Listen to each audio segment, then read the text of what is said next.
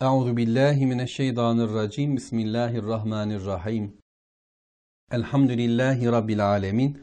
Allahumme salli ala Muhammed. Eşhedü en la ilahe illallah ve eşhedü enne Muhammeden abduhu ve resulü. Sözlerin en güzeli Allahu Teala'nın kitabı olan Kur'an-ı Kerim, yolların da en güzeli Hazreti Muhammed sallallahu aleyhi ve sellemin yoludur. Fetih suresi biliyorsunuz Hudeybiye anlaşması sonrasında gelmiştir. Dolayısıyla burada işaret edilen fetih İslam'ın davasının başarı erişmesidir.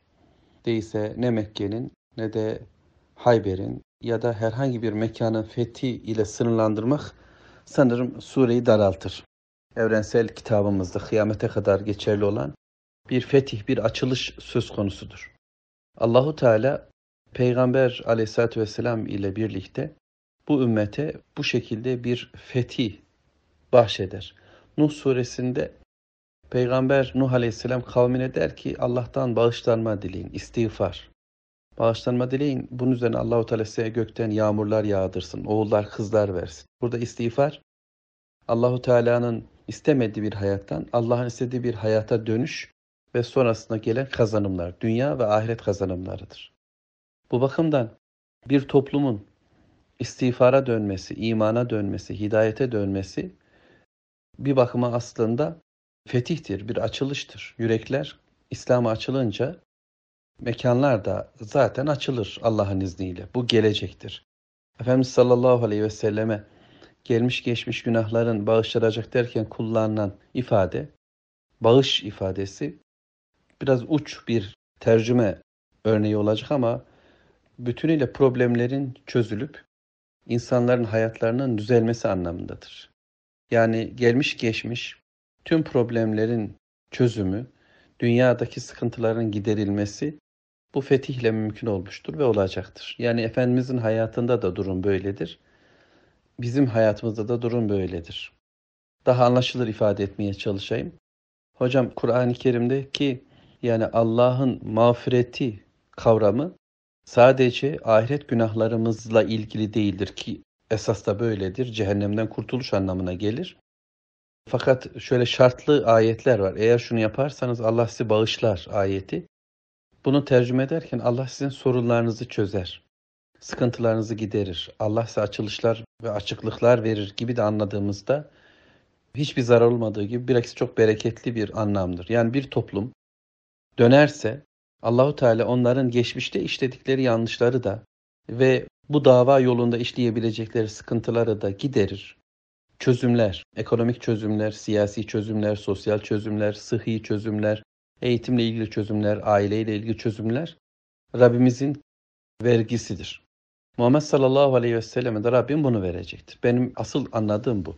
Yani Rabbimizin elçisi Allah tarafından zaten bağışlandı ve bütün peygamberler gibi Allahu Teala onları korudu. Vahyin sıhhat ve selamet için de bu gerekliydi. Bununla beraber beşeri olarak yaşadıkları bir takım şeyler, duruşlar, durumlar oldu ki biz işte İslam alimleri bunlara zelleler demiştir, hatalar demiştir. Allahu Teala bunlar da olduysa da olacaksa da hepsini affediyordur. Peygamberleri için affetmiştir.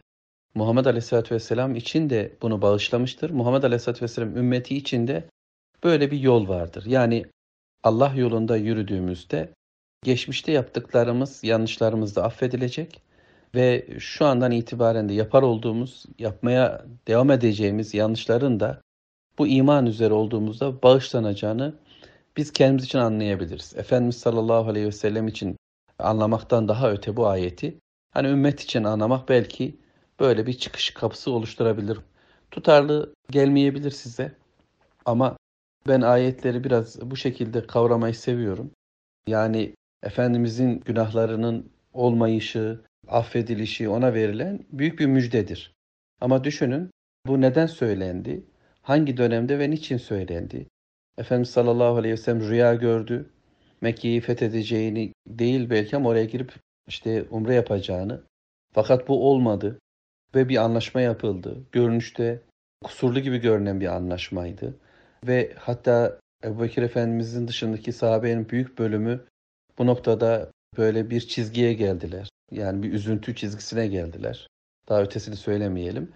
Yani bir dağılış söz konusu gibiyken Allahu Teala dedi ki tamam artık sana fetih geldi.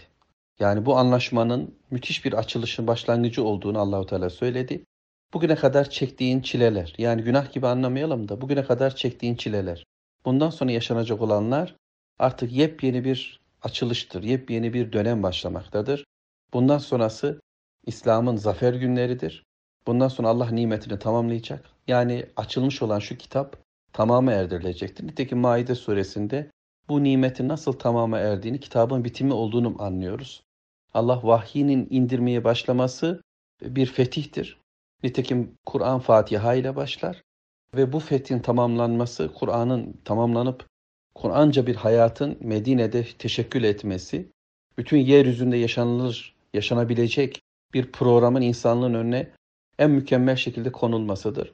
Ve bu gerçekleşmiştir. Rabbim ilminizi artırsın, bereketler versin, hayırlarınızı artırsın, hakkınızı helal edin. Allah'a emanet olun. Velhamdülillahi Rabbil Alemin.